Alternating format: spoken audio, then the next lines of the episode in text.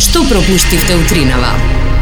Половината од овој месец ме пречека една многу непристојна понуда од личноста од која што најмалку очекував дека ќе дојде. Добро. Бара една пријателка рано од Зори Сабајле веќе имаш ли да смениш 200 евра за 12.000 денари? Што не ти чини? Влав да даде 12.000 за 200. Е колку сакаш Не да дадеш? доаѓа ни подразна. Чи прва влашка 11 955. Не, не, не. Прва влашка работа, никогаш не давај повеќе од тоа што си зел. Математички, 12.000 е 6 пати повеќе од 200. Добро. Значи, автоматски тоа го прави тој бизнис модел ужасно лоша транзакција. Не ти одговара. Значи, ако сакаш да ти дам ја 200 денари, ти да ми даеш 12.000 евра, одма. 12.000 евра за 200 денари. Тоа е Зорке влашки Што демек бизнес. тик-так ги чувал во, во новчаник. Да, Абе, влашки бегај. бизнес. Бега А е не, лепи солке, Адам, не ти давам 200 денари. е, добро студи? утро. Студи? Ти шмрка носето. Не, не, не студи веројатно затоа што се е, задишав качувајќи се по скали. Мислам не Да, можеше бе, ти да тежа живееш ти е на 200 седми евра. спрат и да доста веќе ме обие некој ќе ме утепа за 200.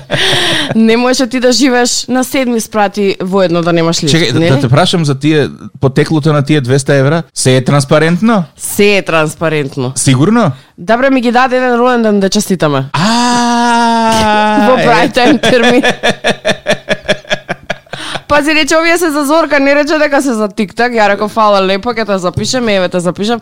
Пази, Зорта е страшна работа. А директно ти пристапи или преку Директно посредници? ме сретна на улица. И не му рече дека се е транспарентно, дека не може така А веќе? па, мислам, транспарентно беше на улица бевме. Вау, Зорке, ти како газиш на Доста тенка утре да не, не линија. бидам на емисија да рече од тебе, да, по, да поверува Како некој. газиш по тенката во линија? приказката. Добро утро и од мене.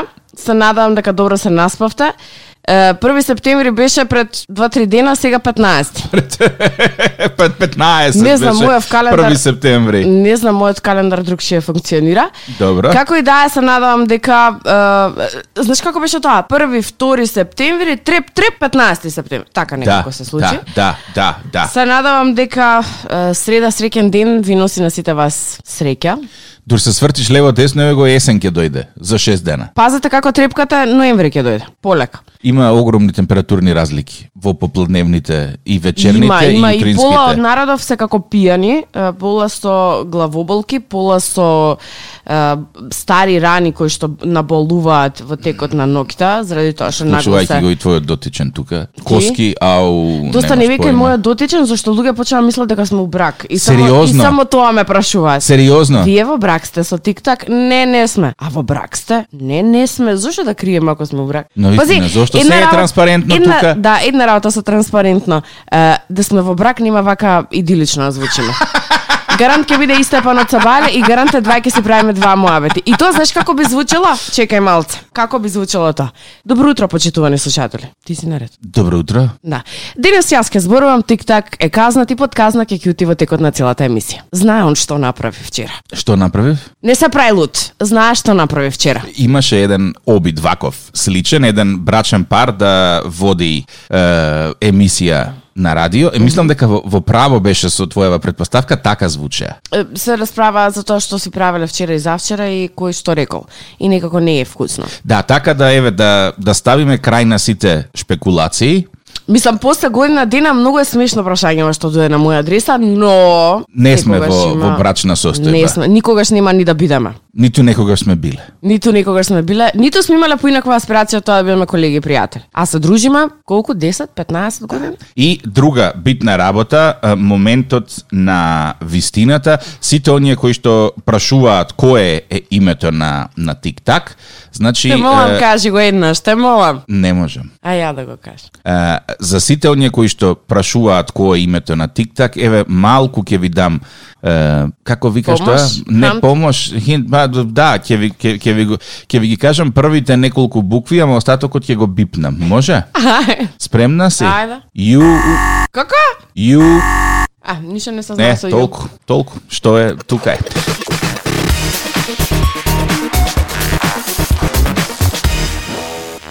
Е, е сега, она што е многу интересно и што се уште ми е мистерија зошто не ни се случило е вака да, како што се правиме мовет, одинаш некој ја се јави да каже добро утро, добро утро. Знаете ли дечки што размислов? И да ни кажете на пример што сте сонувале, што сте размислувале утринава. Знаеш, многу аспирации ти доаѓаат во текот на денот. Кошмари. Кошмар, па У. ка- зависи кој што сонувал и што направил. А, еве, на пример, пријател мој сонуваше со една турченка од турска серија се женел. И ми А, става што у. значи венчаница. Како да ти помогнам другар? Не знам, му викам. Сериозно? Сериозно, ама мислам бело дека не беше добра. Ама она што ми е многу интересно е зошто на пример немате храброст да ни се јавите да ни кажете што сте сонувале, што ви се случува. Знаеш кога си заглавен во гужва, мозокот ти оди на на 300 места. Ау. И најчесто таму се случуваат најинспиративните мисли и тие истите треба да се споделат. Ако не се споделат, готово ти да веќе не се ни сеќаваш. И, и ако треба да те анализирам од вака од оваа перспектива како тип на колешка која што ја имам, Аха. влегуваш дефинитивно во колешки трачари. Што ти е битно што сонувале луѓето? Не трачали нешто муабет да се прави. е, како Па, може си? да се прави муабет за движење на берзанскиот индекс на светските берзи. Па, а ја шо реков ја ограничив темата, секој може Па за што не, сака ама, да се јави. ама одма почна турски невести и едно друго. А ти кажам што трето. се случило. А, добро, се, се, се знаеш, така. Па не джабе работам во радио. Како да ти кажам? Е, ти си имаш- на пример колега, ако веќе си правиме мовет за тоа кој каков колега, ти си колега кој што секогаш е гладен. М, А опасен си многу ако си гладен. да. И ако не ти се задоволи желбата за јадење, и рано рано наутро јадеш само јајца. И е, тука не само што сум секогаш гладен, не можам без кафе, значи А, зависно, не. Тоа беше. Ти така си замислуваш. Со кафе, без кафе можеш, ама секогаш си гладен. А, Да, добро, подобро да сум таков колега отколку некој кој што е, секогаш е уморен, па не можеш да Е, да си алудираш на направиш нешто. муабет.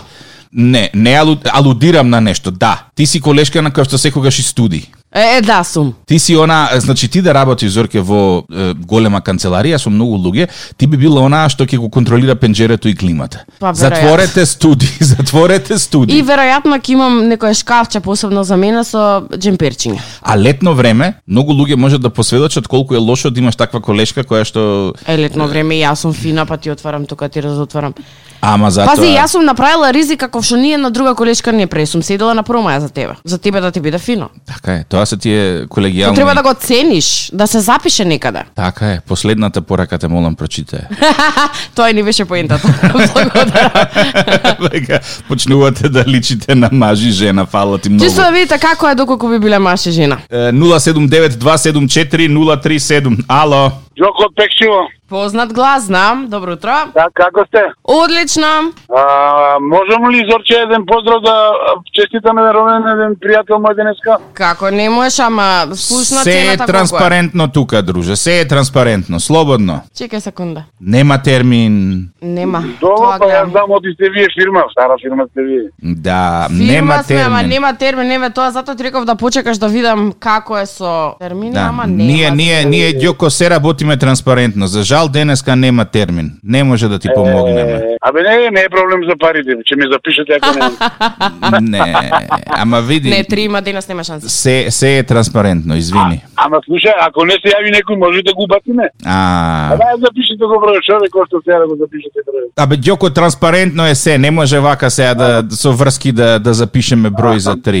Добро, го Ама, го не, че, запишувам. го гледаш тој тамо, А. бројот, другиот. Да, Е, ај, ај на тој јави се. а кој е другиот број? А, с- н- тој на ливчето сега ќе ти го дам. Вашиот? Е, е, тој, нашиот, нашиот. Ема не го знам, Ќе само ти, тој го знам. ќе ти се јави, чекај сега, ќе ти се каже бројот.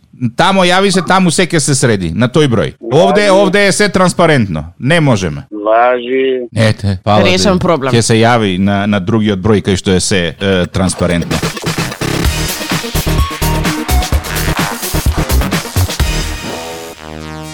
Добро утро. Ето, важноста на колегите веќе ја издискутиравме, а она што е многу важно, никогаш не сме го дискутирали. Ама апсолутно никогаш не сме правеле мојот. Еве колку сме е, заедно на емисија? Година и години. веќе две Скоро. години, да. Е, дали знаеш колку е важно покрај тоа да имаш добар матичен лекар, да имаш добар матичен фризер? Добро. Те гледам дека си збунат. Да, ба види, од моја перспектива апсолутно небитно каков ми е Е, фризерот. добро да е, ти секогаш носиш кратка фризура. Меѓутоа, Да. за жени, а особено за мажи кои што држат до својата фризура, нели има некои што сакаат фризура ваква, таква, онаква, Апсолутно е страшно многу битно да ти биде погоден фризерот. Ако бираш, значи фризер бербер, мислам сега да нели да не да ширам, а го бираш според три критериуми. Да ти Сериозно? е блиско. А па како инаку? Добро. Па ти кај се шишаш? Кој те шиша? М, Февзи ме шиша 20 и кусур години. Што не си го сменил Февзи, например? Не Што можам одиш да го тука? сменам, значи јас и Февзи имаме некоја конекција. А, да си ми здрав и жив. Е, сега слушај, што е Мислам, битно? ја на Февзи му верувам со брич на врат да седи. Така О. да тоа е тоа е верба која што немам во многу размислувал, луѓе. ама е, гледаш што ми кажуваш за Февзи, например, или било кој што ти е б- битен фризер, бербер. Да. Значи, што е битно? Да ти е блиско до местото на живење. Добро? Тука да ти е некаде, да не можеш да палиш Да кола, например. претрчаш. Ѓорче, Драчево да ти е фризерот, не можеш. Добро. Под број 2, неизмерно да му веруваш. Се согласувам. Е, примерот со Пази, ко- кога се бричам. ножици има, Значи, жилет на брич врат има. ми држи Е. Зорке овде. Знаеш вака ко ко И она не само тоа. ко И коковче да на му- колење може да да, да му дојдам. На милост и на И Февзи. друга многу битна работа, извини, со фризер, посебно во такви моменти кога држи остри работи во рака, не дискутира за политика. Не, и Не полека, дебатираш. и полека дишиш. значи, бро- број два е да му веруваш, меѓутоа тоа да му веруваш не е само со оштри предмети, туку и да му веруваш дека фризурата која што си ја поберал, ќе ја добиеш на крајот. Затоа што, пази, фризурата е нешто што го носиш на главата секагаде и секогаш, Така е. и во секое време, во текот од твојот живот. Па кај нас Може да мажите те- е полесно, ако те сгреши само капче стави. не си носел ти изгрешени шишки, затоа не ти е јасна е, мојава цела поента.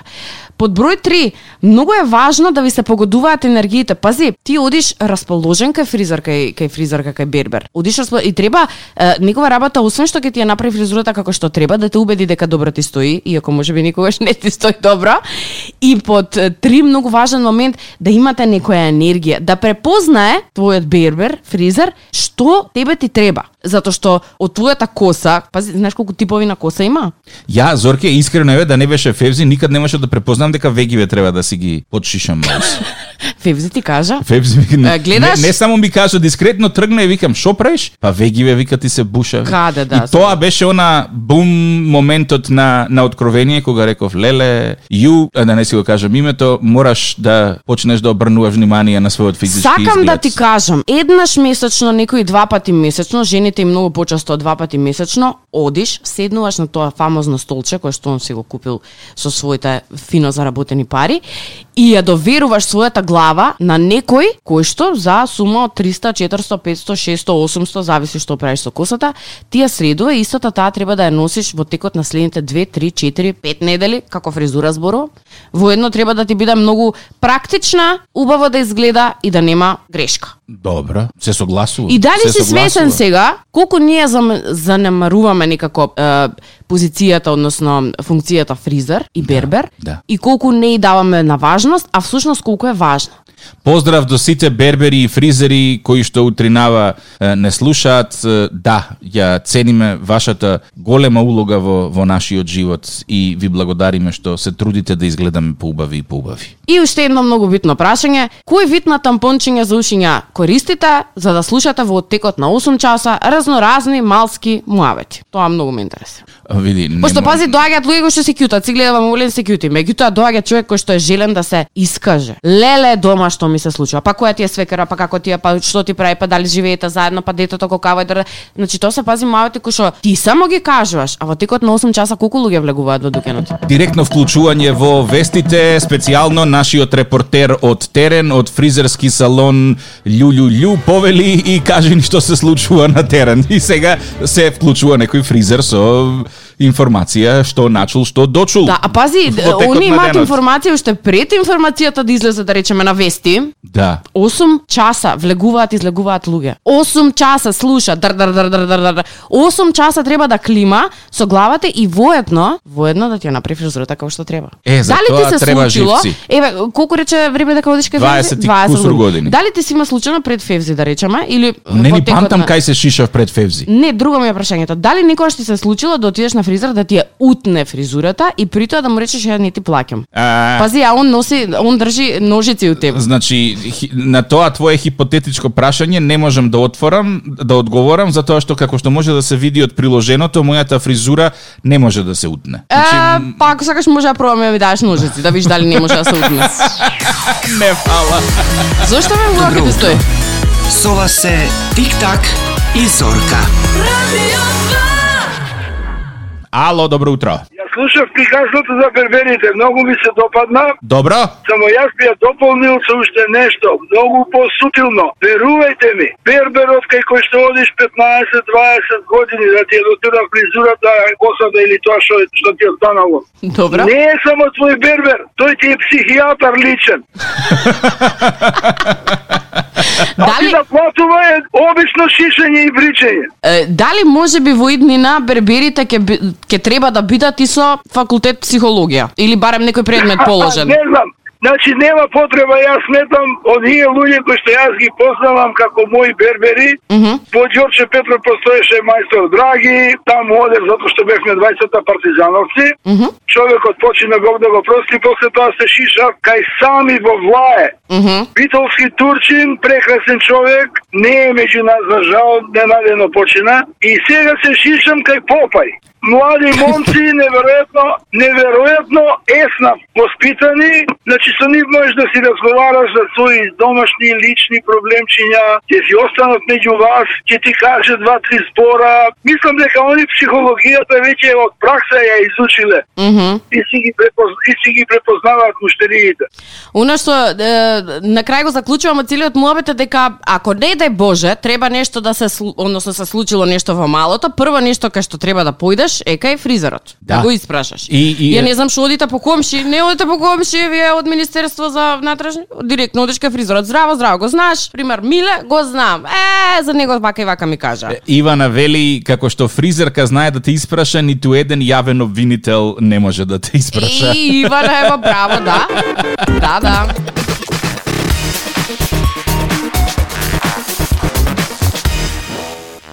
Остане на прашање кое што не го одговоривме, а мислам дека во чест на сите фризери, бербери, е, фризерки и така натаму м, го должиме како одговор. Добро, Ја одговорот го немам, тебе ќе го барам. добро. Ова особено се однесува на е, луѓето кои што работат со жени, односно женските фризери. Добро. Од кој учебник математика должини се учи, кога два прста никогаш не се два прста, туку се три и пол, евентуално четири. Ама види, два прста може да биде вака два прста и може да биде Секогаш вака се два нагласува прста. дека два прста е хоризонтално, никогаш не е вертикално. Освен кога тураш виски. Е, бе, добро да. Или Тогаш кога два даваш, прста. кога враќаш заем. Да, тогаш два прста се два прста. Не знам. Е, види, го немам. Никогаш во животот сум го немал тој проблем да морам Ти си четири среќен прста човек. да скратам. Ти си среќен човек. Јас сум среќен ако Ама, дојде еве. некој прст израсне. Еве, н- ај сега, да- ти како драматизираш, ти имаш 5 сантими коса. И доаѓаш кај мене на фризер, седнуваш и... Извини. Господин е, Тик-так, што ќе правиме денес? Па, сакам сантим и пол да ми скратите. Ја ти кратам 4. Ау, се извинам, мојот ленгер поише покажува. Или мојот ленгер покажува дека 4 сантими е сантим и пол по твое. Така? Тука ми е мистеријата. Никогаш, јас цел живот носам долга коса освен сега, никогаш два прста не биле два прста. Секогаш биле 4, секогаш биле три прста. Добра. И ме интересира кој е тој ленгер кој што го користат одредени фризери. Пази, не сите сега, не ги ставаме сите во исти кош, ама повеќето така. Ме интересира кој ленгер го користите при работа и кој е поентата да ми се скратат 4 сантими ако плаќам за 2. Веќе по логика ако кратиш 4, вајда треба да наплатиш за 4. Па, да, најверојатно, ама што да ти кажам. И друга работа многу важна. Добро, Зошто цените за жените се пута 3? затоа што имаат повеќе коса. Е добро да и што тоа значи? Па повеќе можам да замаскирам женска коса убаво измиена, средена и сфенирана отколку машка. Ако ја з- сгрешиш машката, ако толку е, дупката стои. А мене од каде знам ја тука у средина на темето дали немам дупка? Кој ми гарантира? Е, јас со нешто друго се преокупирам. што? Е, Инстаграм, Тик-так и Зорка ќе го видиш постот, мислам дека ќе се согласиш со мене.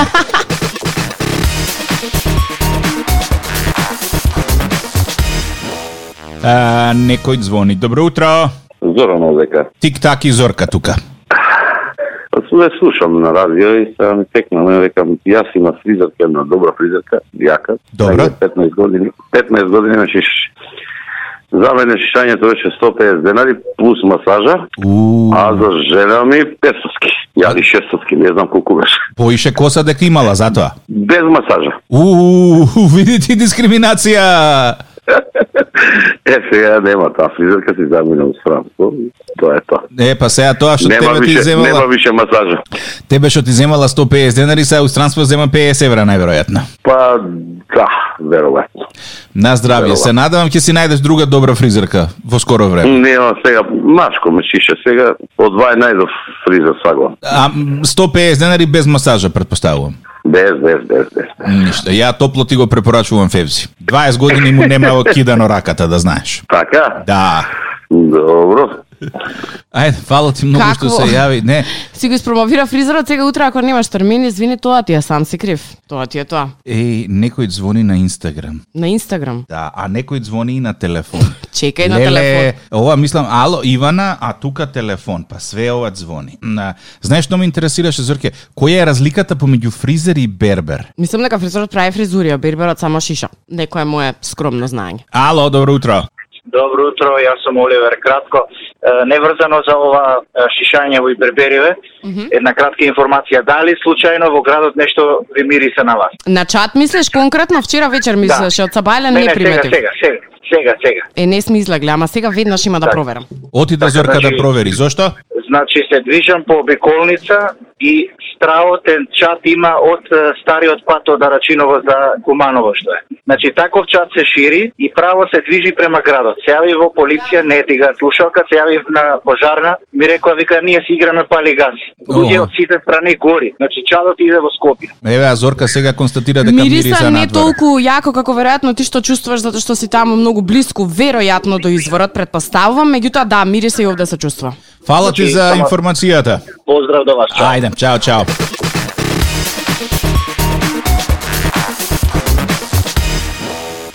Работи во Макдоналдс во Германија. Како се од прилепе работи у Макдоналдс во Германија? Веројатно на одмора сега. Мислиш на одморе во Германија или на одморе... Од Германија во Македонија, тоа е мојата Ама предпоставка. обично летно време одат да работат во Макдоналдс. Јас не знам. Чудно е тоа, не може на ЗС да фатам. Кај се, што се, со кого се, како се, зошто се.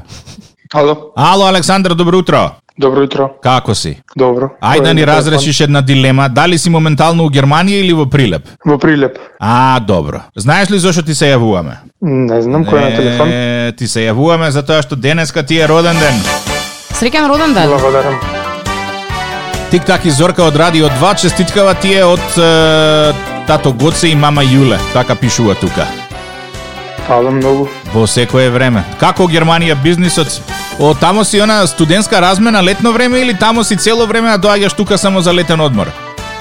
Тука сум на одмор, моментално иначе сум таму со виза сега. О, браво, еве, а Зорка добио, нарече, сигурно е таму со виза. И како е работата у Германија? Шо ќе ни кажеш што ние не знаеме за Германија?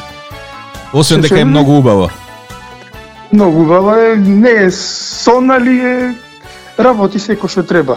Супер, Функционира општеството и одлично. е. Тоа одлично. е тоа. Кога се враќаш назад? На крајот на месец. Убаво да си Е, поминеш во уживај. Македонија до крајов на месецов, со лесно таму назад ала. на работа и зарно за убаво само да се слушаме. Фала, фала. Поздрав, Имајте убав ден. фала ти, чао, чао. Е, Зорки, Разлика шубота, како така ќе ни помеѓу кажеш? млад човек што работи во странство и разлика помеѓу млад човек што работи што не работи дома е тоа што млад човек што работи во странство е навикнат да ти стане во 7, да речем. 9 и 10 е, Зорки. 9 и 10 звучеше многу свежо, како да е станат во 6. Значи, Тоа е разликата, ако се разбирам. постои една вештина, а тоа е да звучиш свежо без оглед која ќе те или па да Ај да звучиш- не се А, лажеме. има, има и Ја и друга. ти си кој се- е, например, има, и- ја- има и друга вештина, Зорке, болен сум денеска. А, не се прави тоа така, тоа се прави со штипка на носот. Верувам. Добро утро. И се чувствувам добро баш. Ете го Немај. тоа е. Девет. Пакта леда.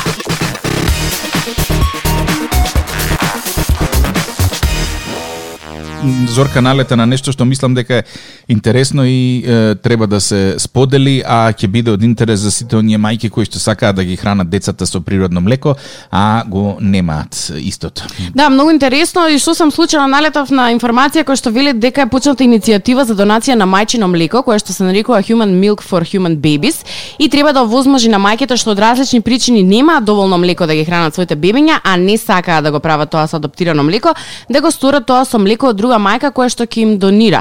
Идејата за една ваква иницијатива ем, се појавила кај Наташа Цветановска е, Тодосовска, која што е сертифициран специјалист за доење, односно може да ја најдете под името на Инстаграм Доење со љубов, меѓу кои освен а, неа во оваа иницијатива се приклучува и здраво бебе МК, така можете со тоа име да го најдете на Инстаграм, и Весна Ѓуковска Каевска под името Вкусни приказни, истата исто така ќе ја најдете на Инстаграм и можете повеќе да прочитате, а, мислам дека е појавена веста веќе по порталите, за тоа ако сте заинтересирани ете. Маја има роден ден. Маја работи во едно министерство како човечки е, ресурси, односно раководител на сектор за човечки ресури. Години не смееме да спомнуваме и мораме да бидеме умерени со шегата, Зорки. Ола, Ало, добро утро, Маја! добро утро. Како сте? Ало, Ало, ме слушате? ало, Ало, ало, јас сум тука, дали сте вие тука? јас сум тука, да. Среќен роден ден! Фала. Тик-так и Зорка од Македонско радио, Радио 2, а честиткава е од е, колегата Јонче, долгогодишен колега и соработник. Фала многу. Во секое време. Како Маја ќе го слави роден ден од денеска?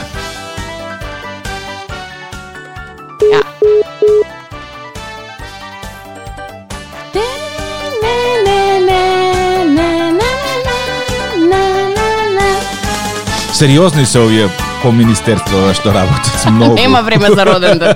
Та, А баш сакам да искоментирам на тема денес кога зборувавме на колеги, колку се важни колегите, затоа што господинот уредно си се јави на време и си го побара ја роден денот. испофали, ја испофали. Да, и на крај Јас добивме добив слушалка. студен туш. Ако, ништо страшно. Затоа сме е, тука. Ем, Срекна среда не е срекна за сите. не можам да се не можам да се соземам од утринскиот шок. Зорке. Е, сега тебе ти треба шишење со масажа. Ја да ти кажам што ти треба. Одам.